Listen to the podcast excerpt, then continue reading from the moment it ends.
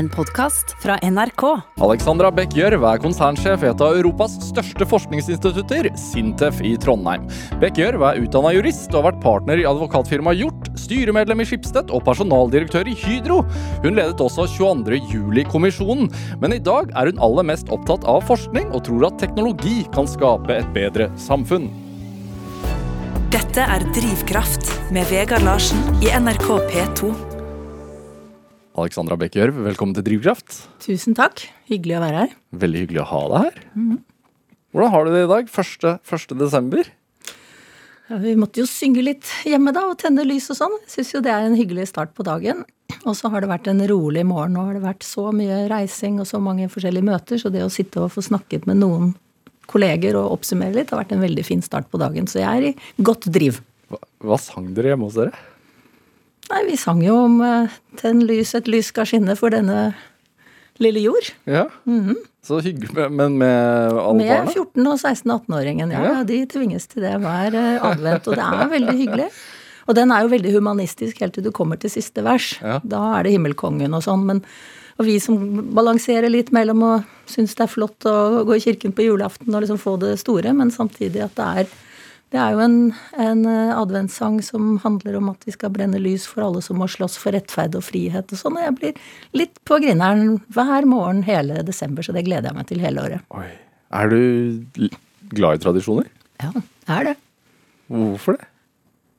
Ja, fordi det minner meg om liksom er, Jeg er en person som bare løper fra blomst til blomst, og tradisjoner får meg til å stoppe opp og reflektere litt, og, og kanskje sette pris på det gode rundt meg, da. Ja. Det er viktig, men kanskje også veldig viktig i jula. Da, da føler man litt, litt det presset, og så, og så gjør man det, og det er så fint, på en måte. Du, du tenker på press med juleforberedelser og sånn? Ja.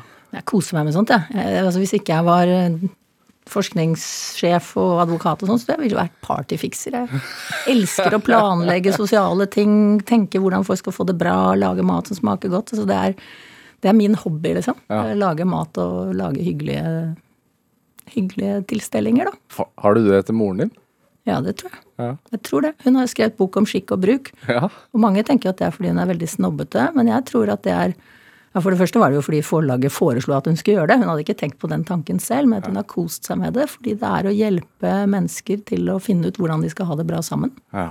Skape god rolleforståelse, om det er konfirmasjon eller dåp med ja, du vet, halvbrødre og steforeldre og innvandrere og sånn. Hjelpe folk til å føle seg vel. Det tror jeg er en veldig sånn sterk eh, eh, arv da, som jeg har fått innpodet fra veldig tidlig ung alder. Ja, moren din tidligere NRK-programleder Toppenbeck. Men er det den, det med skikk og bruk, og at alle skal føle seg vel og, og bli sett, er det også Det er viktig rundt bordet, og, men er det også viktig som leder? Ja, det er utrolig viktig som leder. Det må jeg si. Så alle ledere jeg snakker med, de liksom Altså ikke bare som leder, men også som følger. Ikke sant? Teamet må prøve å tenke på hvordan skal alle føle at de har innflytelse på sin situasjon, samtidig som de blir ivaretatt. At det liksom må skapes på fagspråket en psykologisk trygghet i rollen. Om du er yngstemann eller sjef, så trenger du det. Mm.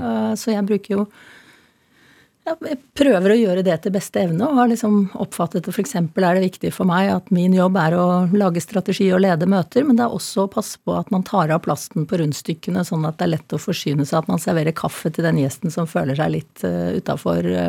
liksom prøv. Men så er det jo sånn at når man er i en rolle som jeg har, da, hvor jeg har jo liksom 2200 ansatte og møter statsråder og liksom ses på som en viktig person, så tenker jo ikke jeg over at alt jeg sier for mange er litt skummelt. Hvordan så jeg må jobbe mye med ja, liksom Hvis jeg utfordrer et eller annet Hvis noen sier noe, så sier jeg men er det helt riktig? Da tenker jeg at jeg er bare den nysgjerrige Alexandra som syns det er gøy å snakke om faglige spørsmål. Men da blir jeg fortalt av mine kolleger at eh, å, det kan være litt skummelt, du må være litt forsiktig, du slår hardt, ikke sant. Og, så det, jeg syns det er vanskelig å forholde seg til sånne tilbakemeldinger, men jeg oppsøker dem jo, og jeg prøver etter beste evne å ta det inn. Så jeg snakker. F.eks. at jeg nå forteller da at jeg blir fortalt at jeg kan være Ja. Selv om jeg prøver å være hyggelig og interessert, så kan jeg oppleves som autoritær. At da må jeg si det mange nok ganger til meg selv, da, for da kan det være at jeg blir litt bedre. Og så sier jeg også til kollegene mine at da må dere hjelpe meg. Fortelle når jeg gjør det. Ta lynavlederrollen. Kan det være en utfordring, eh, det med liksom rolleforståelse? Ja, det er en kjempestor utfordring. Det er jo ofte det som er utfordringen. Barrieren for å få arbeidslag, eh, hvor enn de er, til å fungere godt sammen.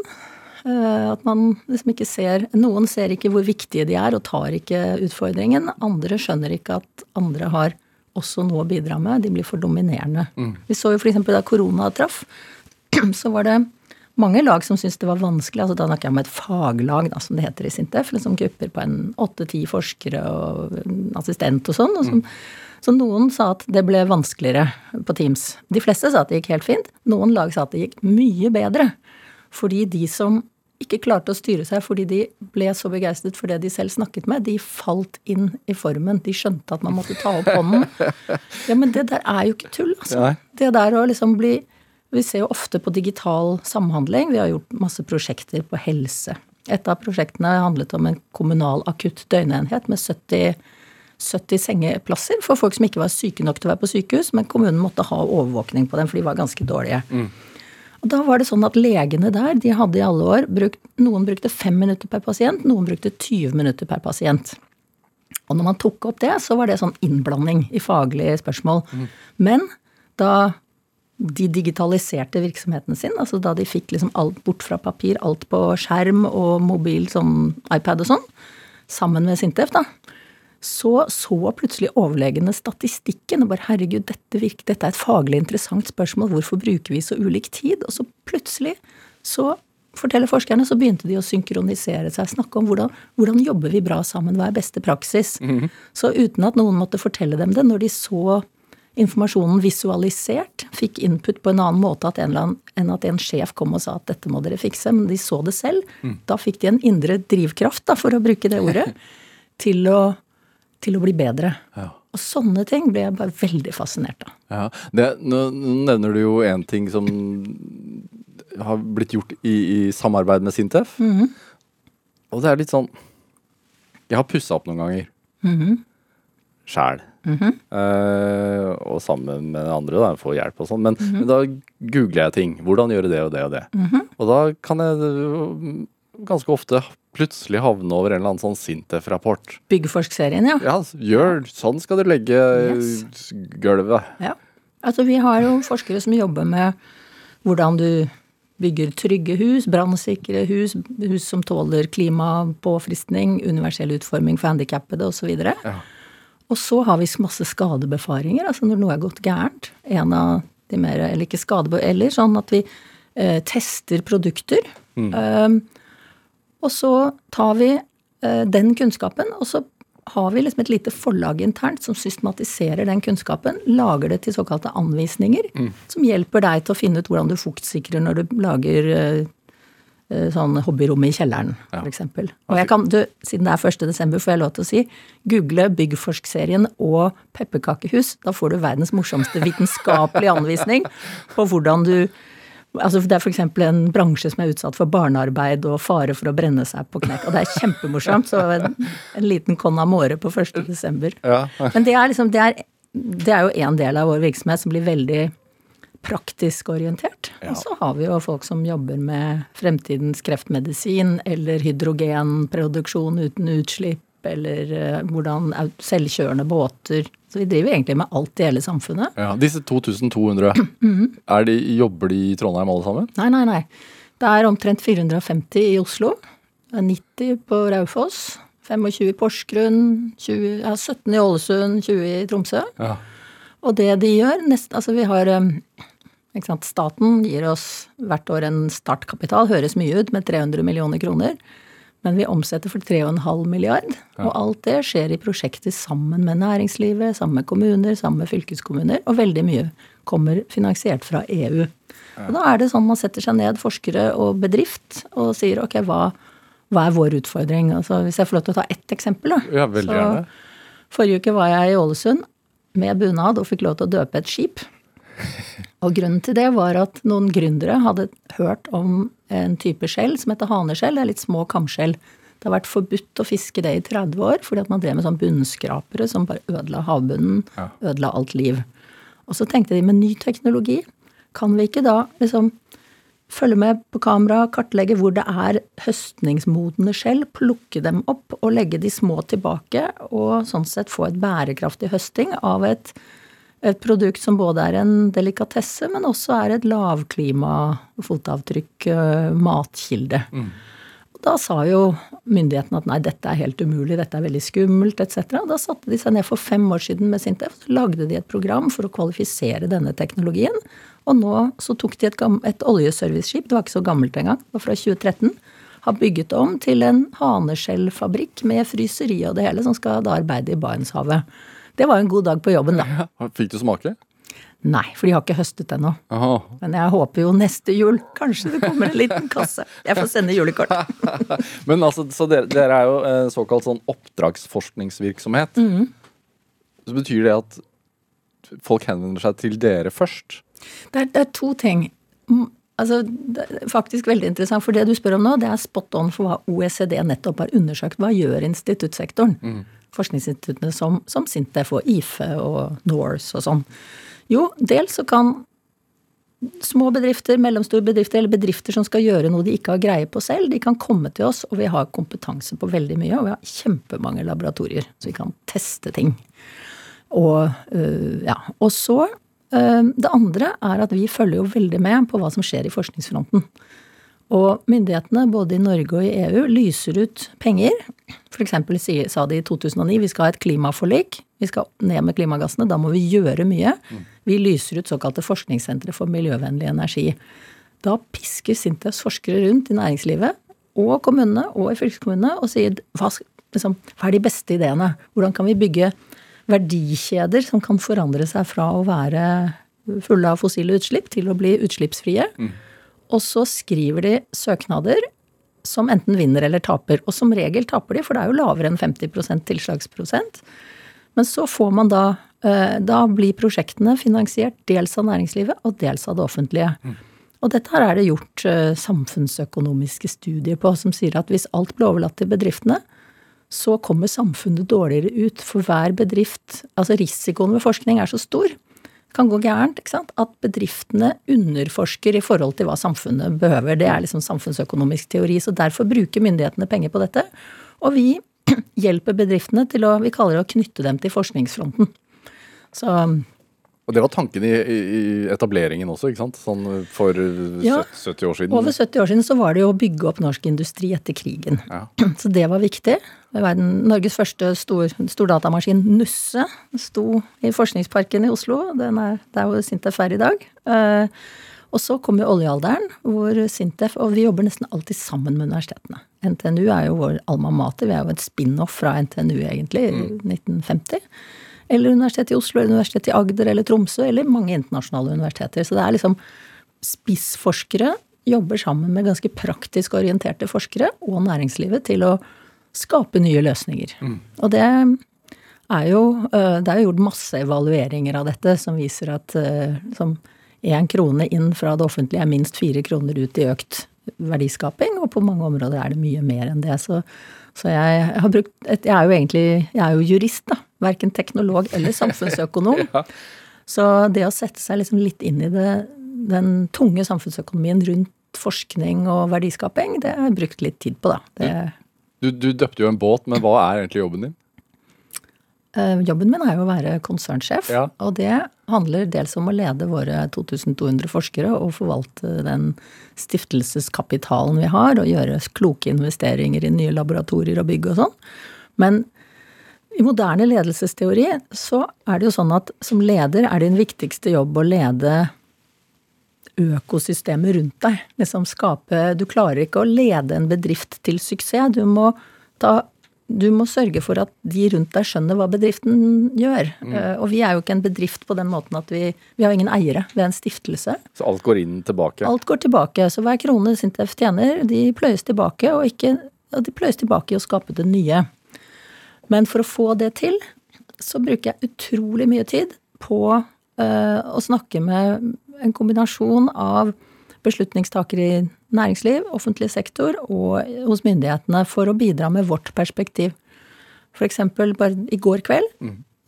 det er møte med sjefen i Helse Sør-Øst og, helse, uh, og Oslo universitetssykehus. Mm. at samfunnet putter fem milliarder kroner inn i forskning på helse hvert år. Får vi nok helse ut av hver krone i forhold til den enorme eldrebølgen som kommer? Kan vi investere de pengene på en klokere måte? Kan vi skape et leverandørindustri som hjelper til med å løse utfordringene i helseindustrien, sånn som Sintef og andre forskningsmiljøer var med å løse de kneikene som kom da vi skulle etablere oljeindustrien. Liksom det samspillet. Eksempel, vi har en bedrift da som laget en kontinuerlig blodtrykksmåler. Det er kjempefint, og der sitter en liten salgssjef og skal finne ut sånn og sånn. Det hadde jo vært nyttig for oss å vite, tror Helses, uh, Oslo universitetssykehus at fremtidens, uh, fremtidens sykehus trenger kontinuerlige blodtrykksmålere. Mm. Hvordan blir man god, hvordan validerer man at det er et godt produkt? Det gjør jo da at sykepleieren ikke må stikke hodet inn i rommet hver gang. Du kan liksom, hvis du måler noen ting, hvis du bruker sensorteknologi, så ja, jeg føler jeg babler på, jeg, men, men, er det et sånt, Har man et overordna mål, eller sånn overordna moral? Altså det, for det høres ut som at man har Ja, altså Vår visjon da, ja. er teknologi for et bedre samfunn. Ja. Så det vi, og det er jo derfor jeg kunne få jobben, fordi at samfunnseffekt, altså hvordan vi vi sier at vår samfunnseffekt skal være å bidra til konkurransekraft i samfunnet. Eh, sånn at vi tiltrekker oss de flinkeste hodene og skaper nok inntekter til å finansiere samfunnet. Og løse samfunnsutfordringer. Og da er det jo selvfølgelig Samfunnet skal bli nullutslipp innen 2050. Mm. Eh, vi må klare å unngå at alle må jobbe med eldreomsorg. Vi må finne måter å ta godt vare på de eldre uten å knekke ryggen økonomisk. Mm. Og så må vi passe på at ikke vi ikke havner helt bakpå på det der enorme digitale skiftet. Altså det at Ganske store utfordringer, da? Bekker. Jo, jo, det er kjempestore utfordringer. Av og til blir man jo veldig ydmyk. Men når man jobber i et forskningsinstitutt, så er det liksom veien til fremtiden blitt til prosjekt for prosjekt. Altså der vi liksom forskerne finner ting, og jeg sier det ser ut som en bra retning, kjør på. Dette er Drivkraft med Vegard Larsen i NRK P2. Og i dag er konsernsjef i Sintef eh, i Trondheim, Alexandra Bech Gjørv, her hos meg i Drivkraft på NRK P2.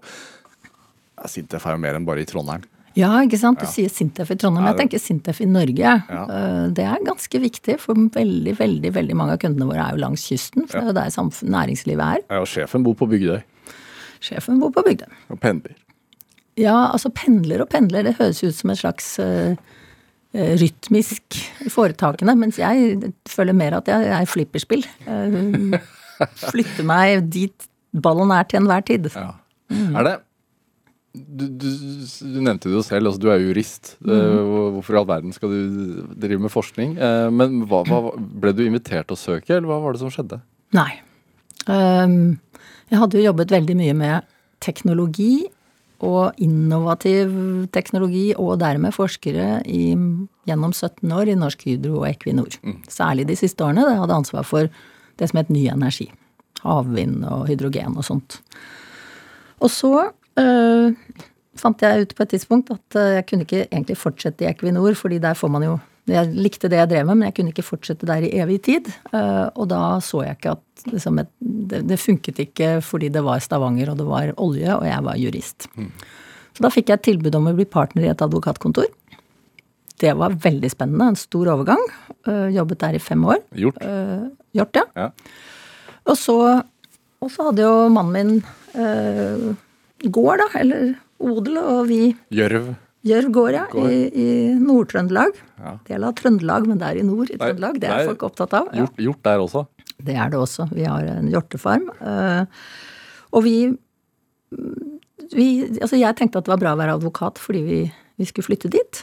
Eh, så vi bodde der, og så reiste jeg til og fra Oslo og liksom prøvde å jobbe som advokat. Og så så jeg at wow, sjefen i Sintef skal gå med pensjon. Og da jeg hadde vært i styret i Sintef, jeg visste litt hva de drev med. Så tenkte jeg det er jo i Trondheim, det er jo ikke akkurat like ved gården, da, men det er nærmere. Og Sintef er jo kjempekult. Eh, og har nå disse forskerne nok Har de dampen nok oppe til å få til de endringene i det næringslivet jeg kjenner, mm. som trengs? Jeg tenkte, Det er jeg ikke sikker på, så jeg søker. Men da jeg ringte til headhunteren, og han sa men du passer jo ikke, for du skal være doktorteknolog for å få denne jobben. Så jeg bare oi, oi, oi. Når du får den beskjeden, ja. hva skjer med deg da? Da ble jeg skikkelig lei meg. Ja. Og da ringte jeg til venninnen min, Hildegunn, og sa du, kan vi gå ut og handle litt? ja. Og så ringte jeg opp etterpå og sa at jeg må jo få snakke med styrelederen. Jeg er som tross alt Jeg tar ikke nei for et nei. Nei, det gjør jeg ikke. Det er et par ganger jeg og jeg vet ikke helt hvor det kommer fra, at jeg får en eller annen sånn bakenforliggende selvtillit som gjør at jeg bøyer ikke av i første sving. Ja. Og det er ikke fordi jeg jeg vet ikke, Det er kanskje at jeg tenker at jeg, jeg tror jeg kan spille en rolle, så jeg kan make a difference. Og da må jeg melde meg, liksom. Jeg har hørt noen rykter om at du gjorde det ganske sånn interessant på en sånn personlighetstest for å få den jobben. Um, ja. Jo. Jeg tror kanskje du sikter til at jeg måtte krysse Det er sånn, sånne tester når du skal bli ansatt, så må du krysse av for det du Du får tre utsagn, og så må du liksom si det du absolutt ikke er enig i, og mm. det du er enig i, og det ett i midten. Og da da ble det liksom sånn systematisk at det der å følge lover og regler, det krysset jeg ikke av som viktigst. Og det var mange spørsmål om det. Så det ble til slutt sånn at Ja, ikke sant. Så måtte de spørre liksom har du et problem med lover og regler. Men så sa jeg at unnskyld meg, hvis du ser på at du har jobbet med 22. juli-kommisjonen og sånn, så tror jeg ikke det er problemet. Men min holdning er jo at de reglene vi har, de er skapt av mennesker for mennesker. Og hvis reglene er dumme, mm. da er det min jobb å prøve å gjøre noe med de reglene. Sånn er det jo faktisk i Sintef også. Jeg ser jo at det er eh, en, en av grunnene til at en, en, jurist kan gjøre en fornuftig jobb i, i et teknologiorientert institutt som Sintef, er at reguleringer er helt avgjørende for innovasjon. Ja. Altså Se på hvordan vi bruker mye mindre energi på belysning i dag. Det er fordi det kom regler om LED-belysning. Så det å være liksom litt offensiv og si at vet du, vi, vi må har guts til å påvirke regelverket rundt oss, sånn at det funker for menneskene, det er en for meg liksom, Kanskje det er litt lettere for meg å tenke sånn fordi jeg er jurist. Ja, I går kom det jo noen nye regler eller som, er, som de snakker om i EU, da, at alle må oppgradere husene sine fra G til E eller fra G til C eller noe mm. sånt i energiutslipp. Mm. Blir innen 2030. Ja, Det er jo utrolig mange dilemmaer knyttet til det grønne skiftet. Ja. Du, tenker du da hm, nok en utfordring for Sintef? Ja. Det er klart jeg tenker. Og så er det sånn at forskerne våre de kaster seg jo da over. Ja, selvfølgelig, da må vi isolere så og så mye, og vi må gjøre sånn og sånn. Og så er min jobb å si ja, men det er jo noen som skal ha råd til dette også. Ja. Liksom, hva slags ordninger trenger vi egentlig? Da? Hvordan rigger vi alt det rundt? Det er jo det som er det vanskelige. Altså, eller det er kjempevanskelig å finne f.eks isolerende materialer som, er, som, ikke er så tjukke at hele tomta blir spist opp av vegger. ikke sant? Du må ha tynnere og tynnere, du må liksom nanoteknologi, og det er mye sånt. Uh, og du må Ja, det er, det er, veldig mye rundt dette med byggestandarder. Uh, og alle faller, ikke sant, huseierne faller da inn i at å nei, dette er for dyrt, vi må ha gulrot og ikke pisk. Og så, uh, og så sier forskerne jo, dette må vi gjøre, og man må regulere. Og liksom, disse dilemmaene det er jo også om kraft til industrien, og vi vil ikke ha utbygging av vindkraft. Altså alle de dilemmaene mellom naturressurser øh, og gode liv, det har jeg egentlig drevet med hele livet og syns er spennende. Og jeg har ikke alle løsninger, men jeg prøver å stille til start, da. Mm. Sånn, så, også 2022 Jeg tenker jo at eh, forskningsinstitutt sånn som Sintef aldri har, egentlig har vært viktigere. Takk for at du sier det, jeg er jo helt enig. Men jeg så i 2011 så ga vi eh, jeg, jeg, eh, I 22. juli-kommisjonsrapporten så er det et kart som viser hvordan samfunnet ved Direktoratet for sikkerhets og beredskap den gang så hva er risikoene for samfunnet vårt. Mm. Terror var jo selvfølgelig med, men det var interessant var at eh, det største var jo pandemi sikkerhetspolitisk krise og mm. energikrise. Alle de tre kom veldig høyt opp, mye høyere enn terrorangrep. Mm. Og i 2011 så sa Sintef at energikrise, da må vi jobbe med Bidra til at våre naboland får nok energiproduksjon. Vi må passe på at forbrukere ikke er eksponert for spotprisen, som kommer til å variere veldig fremover mot det grønne skiftet. Og vi må sørge for gode konsesjonsprosesser, sånn at vi får mer kraft. Liksom det er veldig sånn, men I ettertid så var det sånn wow, det var utrolig klarsynt. Mm. Og mange, og, det punktet ble hoppet over, eller? Ja, ikke sant? man kan harselere over det. Ja. For det er jo ofte det man gjør. ikke sant? Man ryster på hodet, og så, så ser altså vi, 22. juli-kommisjonen var veldig kritisk mot politi og beredskapsmyndighetene. Mm. Og så er det jo sånn at de, blir, de, som har ansvar for dette, blir jo satt i et voldsomt krysspress. ikke sant? Det er uh, utrolig vanskelig å forbedre politiet systematisk når du får kjeft hver gang du kutter en politibil. Ikke sant? Det er et evig dilemma. Skal du jobbe med systematiske forbedringer eller ikke? Og da prøver jeg da å hjelpe til å legge forholdene til rette for at man faktisk får nok oppmerksomhet på de systematiske forbedringene som trengs. Eh, Men jeg er enig. altså Forskning og innovasjon og evnen til raskt å ta nye ideer til noe som praktisk fungerer, det har aldri vært viktigere. Og jeg føler jo at de, Norge Altså når EU nå lyser ut eh, midler, hvordan skal vi eh, liksom få til Repower EU og Green Deal og Digital uh, Transition, så, så gjør Norge det kjempebra. Norge eh, tar hjem over 5% av pengene, og vi er en- 1 av befolkningen. Det er jo fordi norske forskningsmiljøer har jobbet med de spørsmålene lenge. Og de har jobbet sammen med næringslivet. Og jeg må jo si at Sintef er jo med på ekstremt mange av de prosjektene. Og det, det er jo veldig positivt. Så dette er jo ting som vi har egentlig ganske god kompetanse til å gjøre noe med. Men det føles jo ikke sånn. Det er, sånn, det er jo en ekstrem energikrise sikkerhetspolitisk krise at det er vanskelige tider. Det har aldri vært så vanskelig i mitt liv som det er nå. Alexandra det- da passer det å spille litt musikk. Ja. Du, du har med en Queen-låt, 'Don't Stop Me Now'. Hva, Ja. Når hører du på dette her? Og det hører jeg liksom når jeg durer rundt med høyttaler i ørene og forter meg fra sted til sted, f.eks. i Trondheim hvor det er mye bakker. Da tenker jeg 'don't stop me now', for det er liksom ikke stopp deg selv heller. Men dette var en låt som kom da jeg gikk i sjette klasse, tror jeg. Bohemian Rhapsody. liksom. Det var akkurat da jeg ble ungdom, da. Ja. Wow, liksom verden er for mine føtter.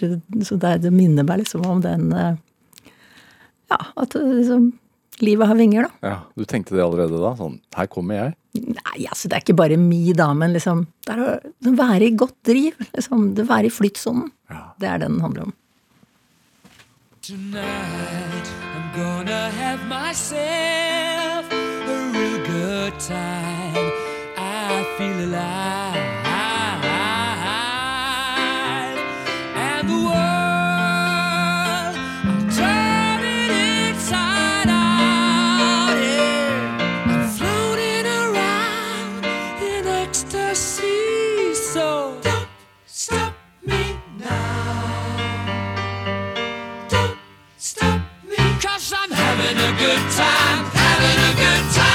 Shooting star leaping through the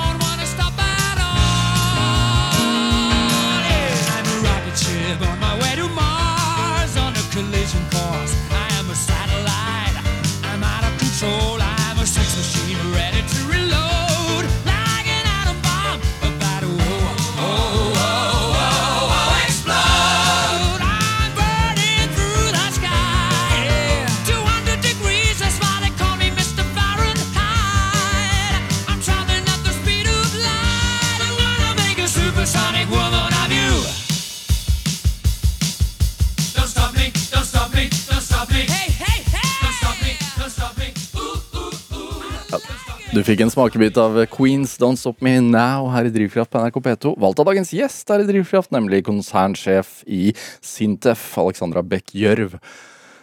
Du, du hørte den første gang da du gikk i sjette klasse, sa du? Jeg tror det var sjette klasse. Ja. Hvor, hvor, hvor er du vokst opp? Hva, hva vil du si er hjemme? Ja, det er litt uklart. Jeg vokste opp liksom barneskole, begynnelsen av ungdomsskolen på Lysaker utenfor Oslo. Det var da denne kom, da. Eh, Men så flyttet vi til Stockholm av mammas manns jobb. Og jeg trivdes bedre der. Så på, Hvorfor det? for det var mange andre nerds der. Altså det Jeg traff noen andre nerder som syntes det var interessant å gå på utstilling når du var 13 år og snakke om bøker og sånn. Ja. De var litt mer sånn kule. Jeg følte meg litt, jeg syntes det var litt skummelt, for jeg var nok en sånn veslevoksen type, og så fant jeg noen likesinnede. Og så er det jo ofte sånn jeg ser på mine egne ungdomsdøtre, at det er gøy å slå ut vingene på ungdomsskolen og videregående. Men så, men så etter fire år i Sverige så dro jeg jo til Wales på en internasjonal skole. Så da kom jeg litt rotløst tilbake til Oslo. Er det United World College? Er det Ja. det som er i Wales? Wales? Hva er det for noe, egentlig? Nei, det, det er jo en, en serie skoler, men den i Wales som heter Atlantic College, ble grunnlagt på tidlig 60-tall eh, med en ambisjon om, om forsoning etter, liksom, i Europa ved å bringe ungdommer sammen og uh, liksom international understanding, da. Internasjonal forståelse var uh, overskriften. Ja. Får, det var en- får man det på en annen måte enn f.eks. på et universitet i en hvilken som helst annen Ja, storby? Det, det var vel det at man var i en Altså Eller- gjøre det i en alder, da. Andre og tredje Gym. året på videregående. Ja, Ja, Som er liksom år hvor man blir for, er mottagelig for inntrykk. Ja. Så jeg bodde sammen med På mitt rom første året så var det en fra det som vi kalte Jugoslavia da, eh, Venezuela, og en sånn internasjonal miks med litt India og litt USA. Ja. Klart det liksom åpnet noen horisonter, og så ble vi jo innpodet litt at dette var viktig å ta ansvar. Liksom. Step up. Du, altså, du, har, du er verdifull, og du kan bidra med noe. Så jeg tror det ga meg et skikkelig push. Og så er det litt sånn narsissistisk. Altså, jeg må si jeg er ikke helt komfortabel med å sitte her med Don't Stop Me Now og min indre drivkraft og sånn. Jeg, jeg føler jo meg litt som Askeladden. Altså muligheter kommer, og jeg griper dem, og så blir det liksom noe spennende ut av det. Ja. Men, Mm. men lærer man da også at kanskje landegrenser og sånn ikke er så vesentlig? Ja, man gjør det, men så må jeg si sånn i selvransakelsens lys så Jeg har bodd ett år sammen med en jente som sa hun var fra Jugoslavia. Og så går det fem år, og så er det full krig der mellom folkegrupper, og det er bare totalt overraskende for meg. Hvor mye har jeg egentlig utforsket det? Så, ikke sant. Ja, jeg mener jo at det er en utrolig bra skole, at det er bra at Norge sender noen elever dit hvert år. Alle, alle ungdommer på den alderen bør søke. United World College er en virkelig grensesprengende opplevelse. Men så kunne man kanskje vært enda litt mer seriøs liksom rundt Og det tror jeg man er i dag. Jeg tror vi var litt sånn jeg, Du må også gjøre en samfunnstjeneste når du er der. Hva er det for noe? Det betyr at du må ha en aktivitet som handler om å bidra i samfunnet. Og noen sant, Skolen drev eh, oppfølgingshjelp med handikappede ungdommer eller eldre, eller drev også kommunens kultursenter. Men jeg meldte meg selvfølgelig som nordmann til redningstjeneste. Utendørs, litt sånn sporty. Og, og vi var Altså, jeg har bevis på at jeg har vært en del av Her Majesty's Coast Guard. Og lærte masse førstehjelp og sånn, men jeg gjorde altså, jeg blir litt sånn ah, gjorde jeg det fordi det var veldig kult å være ute og ha uniform og klatre og henge i klippene, eller gjorde jeg det fordi jeg virkelig liksom ville redde folk? Vi hadde et par redningsaksjoner, så det var spennende, og jeg lærte masse ledelse. Ja, Hvis du er ærlig, da. Hva gjorde du det for? 50-50. 50-50. Men det med det at du fortalte at du var nerd som 13-åring, og mm. var det fordi at du hadde blitt dratt med på, på utstillinger og, og fått tykke bøker foran deg fra barnsa, eller? Tja Jeg har alltid likt å lese de der bøkene, historien om. Så jeg, jeg, fikk lov, jeg fikk en sånn bok hver gang jeg var syk, så da ble jeg ofte syk. Så det var et veldig sånn insentiv til å være syk. Men jeg brukte jo Jeg elsket det. Roots, husker jeg. Det var en av mine Den der om, om de afrikanske slavene som kom til USA. Det ble en TV-serie også. Ja. Sånne bøker syns jeg var helt fascinerende. men jeg ser på barna mine nå, en av dem liker veldig godt å lese, og de andre er ikke så interessert. Så det er litt personavhengig også. Ja. Hva Var du ansvarsfull som ung også? Høres det ut som Ja, da, når du tror- melder deg til redningstjenesten. Og, Jo, jeg var nok det. Jeg var nok det. Og jeg tror jeg er født litt sånn, jeg. Litt veslevoksen. Mm. Og så hadde jeg jo Da jeg ble åtte, så skilte jo foreldrene mine lag. Det var ganske tidlig. Det var ikke så mange som var skilt den gangen.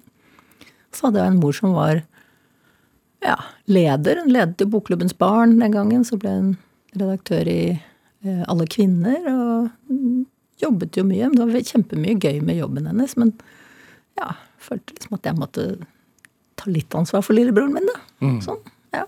Men eh, ja, jeg, altså jeg har ikke følt at jeg har tatt, fått for mye ansvar. Mannen min, som har vokst opp på gård, han føler at han har tatt for mye ansvar hjemme. Ja. Men jeg føler at jeg har hatt det passe. Ja. Da må man ta del i gård- gårdsdriften, vet du. Hvordan var du som bonde? Som bonde? Vi har jo to fantastiske fyrer som jobber på gården, så jeg tror jeg var en ålreit heiagjeng for dem. Og jeg har rygget med traktor, altså traktor med tilhenger. Jeg har det. Ja. Og jeg har sittet Men jeg Gårdslivet i dag er så utrolig mekanisert. Og så mye stor, stort utstyr. Før var det sånn gråtasttraktor, men nå er det digre maskiner. Sånn at uten å virkelig ha opplæring, så kan du egentlig ikke gjøre noe på gård. Eh, Det er jo problemet, for før var jo gårds, gårdsarbeid liksom veldig fint oppstart, sommerjobber og sånn. Det er farlig, så vi kan ikke ta inn Vi får jo en del henvendelser om det, men eh, det må jo være trygt. Det er jo sånn på Facebook eh, så i påska eh, at man kunne bestille hjortekjøtt fra, fra gården.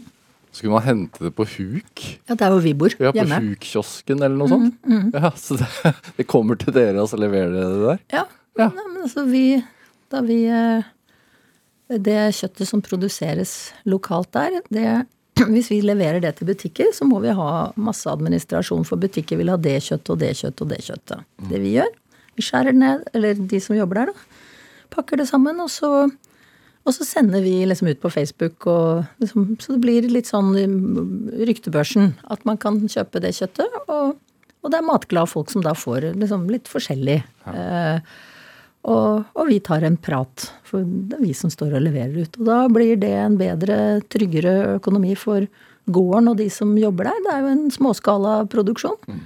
For eh, hvis du skal levere butikker, så tar jo butikkene et veldig mellomledd. Eh, så det, det er sånn vi gjør det. Men eh, det er, jo, det er jo de som jobber der, som skaper de verdiene. Ja. Er en kontrast egentlig til din vanlige arbeidsdag. Er, det, hva, hva- er det viktig for deg å ha de kontrastene? Jeg syns i hvert fall det er utrolig lærerikt å være engasjert i en virksomhet hvor tusenlappene teller. Når man ellers jobber med millioner og milliarder, så er det ganske sunt og edrueliggjørende å se, se på det. Men jeg skal ikke skryte på meg at jeg er veldig engasjert personlig i gårdsdriften. Er det eh, fra Wales Var det derfra til juss i Oslo, eller var det rett til USA? Hvordan var det Nei, der? det var juss i Oslo.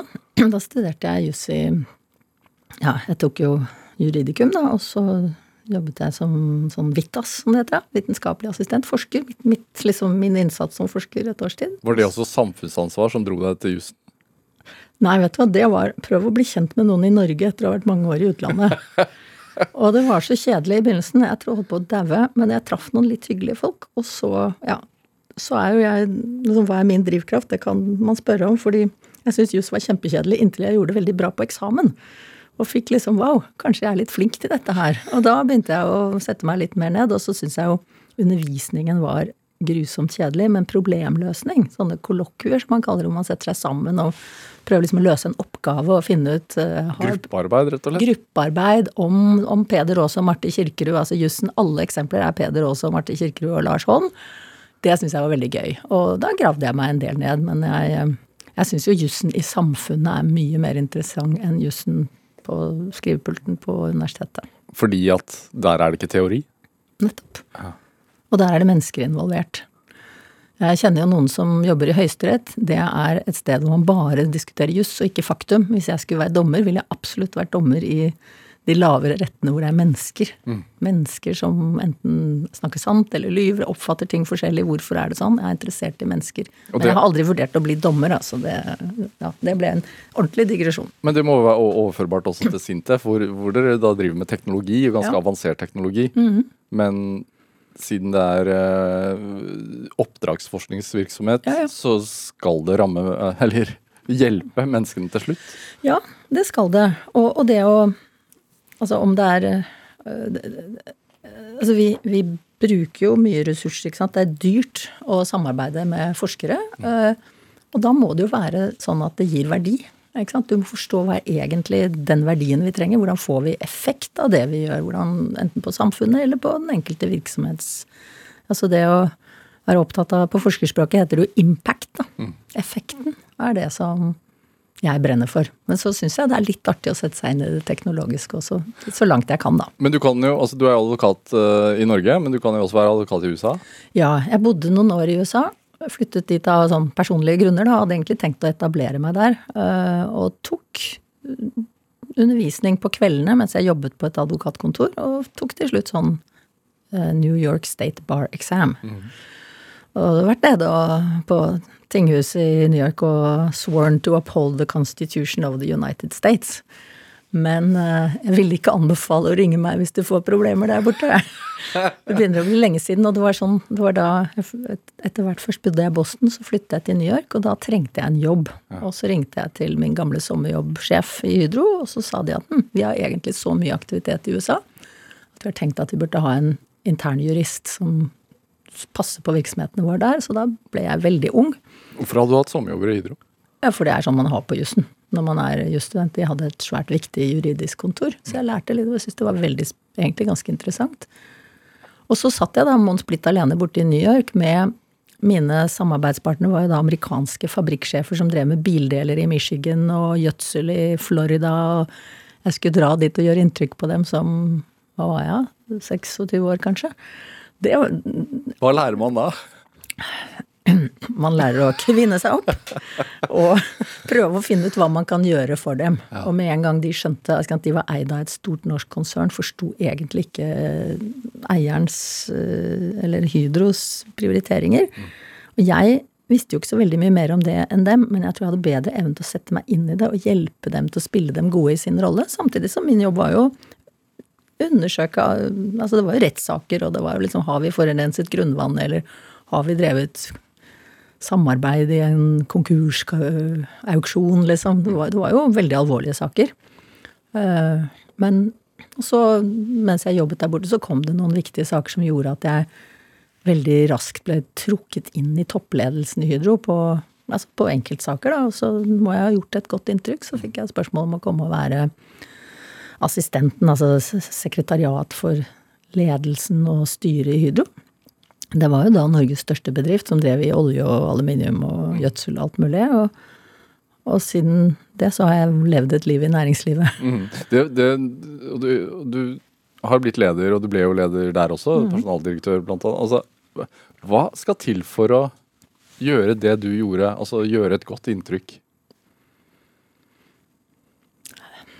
Tja, nei, det, det Jeg tror jo det å det å ha litt sånn følelse av en god rolleforståelse. At du både skjønner liksom at du må finne din plass i et system, samtidig som det blir i hvert fall ikke noe action hvis ikke du bidrar med ditt. Så det å tørre å si hva man mener, og være litt god til å treffe også da, på hva man mener. eh, Men vet, det er vanskelige spørsmål. Og, og som jurist så går du liksom litt utenom. Hvis jeg hadde begynt som sivilingeniør, så hadde jeg jo gått gradene i 25 år før jeg hadde Så det er litt juks, da.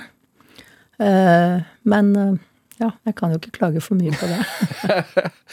Men det med lederroller, altså personaldirektør var jo en rolle som handlet om å rigge Hydro til å bli god til å utvikle ledere, mens lederoppgavene jeg har hatt, var jo særlig innenfor det å skape nye energiløsninger, og jobbet en stund også som leder innenfor bildelvirksomheten. Og begge deler handlet jo om klima. Altså lette bildeler og uh, energiløsninger.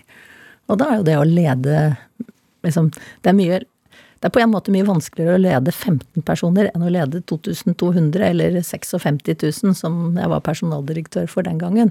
Så det å lede gjennom andre Altså, det er vanskelig å være leder for enkeltpersoner, som du er som det vi kaller førstelinjeleder, da. Om du er eh, Da må du ta de vanskelige samtalene. Det er liksom alt fra AKAN til medarbeidersamtaler, og hvilke mål skal vi sette, liksom.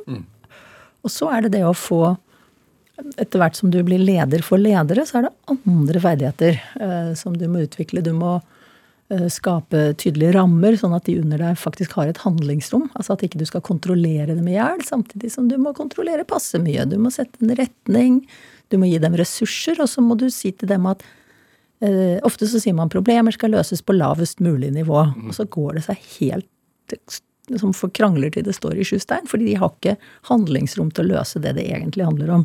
Så jeg sier at problemer skal løses på lavest mulig nivå, men det er ofte et høyt nivå. Fordi det er Folk blir satt opp i umulige situasjoner hvor de enten trenger investeringer, eller så må de slutte med noe, og det har de ikke handlingsrom til. Kanskje det er veldig vanskelig å forklare, men, men jeg tenker jo at det er nesten alltid når ting blir vanskelige i en organisasjon, så er det fordi lederne ikke bare har delegert, men de har abdisert. Sant? Lederne må faktisk engasjere seg og hjelpe til å legge til rette for at de som har ballen, kan spille den i mål, da. Hva er det det Hva gir det deg? Altså personlig? Eh, Og Å være leder? Jeg syns det er kjempegøy. Altså, jeg syns det er så moro når vi får til ting. Eh, Jeg syns det er morsomt å være leder for en ledergruppe hvor man får eh, utfordringer, gode diskusjoner, hvor man kanskje er uenig, men man gjør det liksom på en At, at det er liksom Uenigheten føles konstruktiv, da. Hvor man bygger på hverandres eh, perspektiv, prøver å løse problemer i stedet for å bare sitte og holde på sitt. Eh, Og det tror jeg, hvis jeg skal være litt sånn der tror jeg egentlig jeg har ofte fått det til, altså. 22. juli-kommisjonen var jo tolv, nei, ti, ti kommisjonsmedlemmer aldri møtt hverandre før. Hadde ett år på å levere rapporten, og det å liksom klare å prøve å jenke til så folk føler at det er positivt for dem å bidra, og at man ønsker, vil hverandre vel og løser problemer heller enn å hamre hverandre i hodet. Og også det å spille på laget. Ikke sant? Altså det å det å ha en idé, og så se at noen skjønner ideen og skaper noe ut av den, det er ja, Det er da jeg spiller Don't Stop Me Now, liksom. Da føler jeg at yes, dette er moro. Du ble jo spurt om å lede den kommisjonen eh, ganske kort tid etter terrorhendelsen. terrorhendelsen. Var det ja med en gang? Um, Jeg ble jo oppringt rett før midnatt 10. august. Uh, tre uker senere. Uh, og så mm, Først måtte jeg bare liksom, Er dette seriøst? Det var Stoltenberg som ringte meg. Så jeg måtte liksom gjøre noen kontrollspørsmål, og si at det faktisk var ham. da. Og så forklarte han situasjonen, og så sa at dette må jeg tenke på. Og sa han det kan du godt gjøre, men du må ha svar i morgen. Så det var liksom mellom, eh, mellom halv tolv om natten og ni. Da gikk det mange tanker i hodet. Det var jo ikke noe søvn. Og det var eh, Og jeg tok Jeg snakket med mannen min, han var i halvsøvn, og han sa ja, selvfølgelig. Men så ringte jeg med en gang klokken ble halv syv, så ringte jeg de fire jeg tenkte jeg kjente som kanskje kunne vurdere dette, for jeg skjønte jo ikke helt hva oppgaven gikk ut på. Da fikk jeg helt klare råd. To sa dette må du ikke finne på å gjøre fordi det er umulig å lykkes. Og så var det to som sa dette er en samfunnsoppgave du ikke kan si nei til. Så da var jeg like langt. Da måtte jeg høre på min indre stemme, som var at hvis det er en oppgave som trengs, og jeg ikke ser noen andre som jeg syns helt klart kan gjøre det bedre, da må jeg si ja. Hvordan Hvordan var det arbeidet? I forhold til erfaringen din fra før? Det var jo veldig mye helt nytt stoff. Altså beredskap, politi, helsevesen, organisering. Det var veldig, de andre kommisjonsmedlemmene hadde jo mye kompetanse om det. Ja. Eh, Og så rekrutterte vi en veldig god sekretariatsleder, Bjørn Otto Sverdrup, som er kjempegod til å strukturere problemstillinger. Eh, Så det ble intenst, og så var det liksom et år fylt med ærefrykt. Altså det var et år hvor jeg bare følte at wow, nå nå er det du som har ansvaret, liksom. Eh, Nå kan du ikke egentlig spørre sjefene dine om hva de syns. Nå har samfunnet sagt at de lurer på hva du syns. Og det var en sånn, nesten sånn halv rus hele året. Og det å både være på den ene måte sånn faglig begeistret ikke sant? Dette var superinteressant. Altså, det var altså, jeg er en veldig nysgjerrig person. Jeg håper du skjønner at liksom, nysgjerrighet er en del av min drivkraft. Samtidig som det er en dyp, dyp, dyp tragedie. Og det å liksom tenke på disse ofrene og de etterlatte, og, og samfunnsmaskineriet som i så stor grad var ødelagt også. Liksom både liksom få den positive flytsonen at det var søren heller, vi får til noe viktig arbeid her, og liksom skape begeistring i teamet, samtidig som man aldri kunne glemme med et sekund at vi egentlig jobber med helt forferdelig traumatiske forhold. Men så er det klart at de som jobbet med gjerningsmannen, med ofrene, så sånn som aktoratet, politiet, hadde jo på en måte en mye mer grusom jobb enn meg. For vi hadde jo kamera mot, mot øh, nødetatene, mot embetsverket, mot politikerne. Så det var en mer akademisk jobb, da. Men det- så var det jo døgnet rundt. Altså virkelig døgnet rundt i 366 dager. Ja, du sa vel da du leverte den at du gledet deg til å bli mamma igjen, Ja, på en måte. ja det gjorde jeg. Ja. Så, men dere konkluderte jo med bl.a. en mangel på, rekke, på, en rekke sikringstiltak. Det, har du fulgt det i ettertid, eller har du bare levert rapporten og lagt det fra deg? Jeg har vært veldig opptatt av å ikke bli en rikssynser på dette området. Ja. Fordi det er kompliserte saker. Og at 22. juli-kommisjonens rapport trodde jeg kom til å stå seg ganske lenge, og det har den jo gjort. Det er fortsatt liksom en, en viktig premissetter for for forbedringsarbeidet. Og hvis jeg begynte å synse, liksom gi sekundere som en annen som Per Jorseth hver gang politiet gjorde noe, så ville jeg ødelegge autoriteten i den boka. Så har jeg jo fulgt med litt, men jeg har jo mye annet å drive med. Så jeg tenker jo at selv om det kanskje ikke var så klokt å kalle det nærpolitireformen, så tror jeg jo at det er gjort en del grep som vil gjøre det det er større sannsynlighet for at politiet kan jobbe mer systematisk med forbedringsarbeid. Mm. Og, og, ta mer ledelse. Ikke bare liksom løpe etter hendelse etter hendelse etter hendelse enn, enn det var for 10-12 år siden. Men så er jo kriminalitetsbildet blitt mye verre. Mm. Så, så jeg, jeg er veldig forsiktig med å kritisere. Altså jeg ser i hvert fall at jeg har jobbet steinhardt. Jeg treffer så mange som forteller at det dere satte fingeren på, det har vi tatt på rungende alvor, da. Mm. Det, det syns jeg er ok. Ja, Du skal få slippe å mene noe om hva som har skjedd i ettertid eh, mm. her også, men, men endra den deg på noe vis? Ja, jeg fikk jo mye større innsikt i offentlig sektor. Jeg fikk på mange måter en veldig dyp respekt for det. Selv om jeg var kritisk på mange punkter, så ser jeg jo at for en viktig og vanskelig oppgave de har. Ja. Eh, det endret meg for at det at jeg så at det var ting rundt forvaltningen som helt klart kunne bli mye bedre. Da. Og at det jeg Kanskje det Jeg tenkte at det jeg har med meg fra næringslivet, er relevant. Eh, jeg kan bidra med noe der. Og sånn sett var jobben i Sintef midt i smørøyet. Altså jeg fikk et 22. juli-kommisjonen ga meg liksom følelse av at det er veldig viktig å Hvis du kan, få lov til å jobbe med ting du føler har virkelig med å forbedre samfunnet å gjøre. Så da, da denne jobben i Sintef kom, så var det jo ikke bare det at den var i nærheten av der jeg da bodde, men det var jo først og fremst en veldig viktig jobb for å løse de største samfunnsproblemene vi har. Mm. Hvordan forholdt du deg til at du gikk fra å være relativt anonym til å bli på masse forsider? Det, altså, det tror jeg kanskje det å ha levd med en mor som er ekte kjendis, ja. uh, forberedte meg litt på det. Uh, og så Du var vant til at uh, dere ble sett etter i butikken? Ja, litt sånn. Ja. Og så prøvde jeg ikke å se for mye på meg selv på TV og sånn. Liksom bare skyve det litt bort, da. Mm -hmm. mm. Er det Jeg har oppsummert på en måte karrieren din, så det har jeg sånn inntrykk av at den er ja, du, kall, ja, du nevnte et flipperspill her, her mm. forleden, men den ballen virker som den har vært i luften hele veien, liksom. Ja. Ja, og jeg opplever jo selv at jeg, jeg Når du gjør sånne personlighetstester, da, så de som kjenner Myers-Briggs, da har jeg ENFP, eller kanskje ENTP, litt på midten. P, det betyr Jeg vet da søren hva det betyr, jeg, men jeg tolker det i hvert fall som at jeg er ganske spontan. Uh, og at jeg kan, er ganske fleksibel, kan tilpasse meg mange forskjellige situasjoner.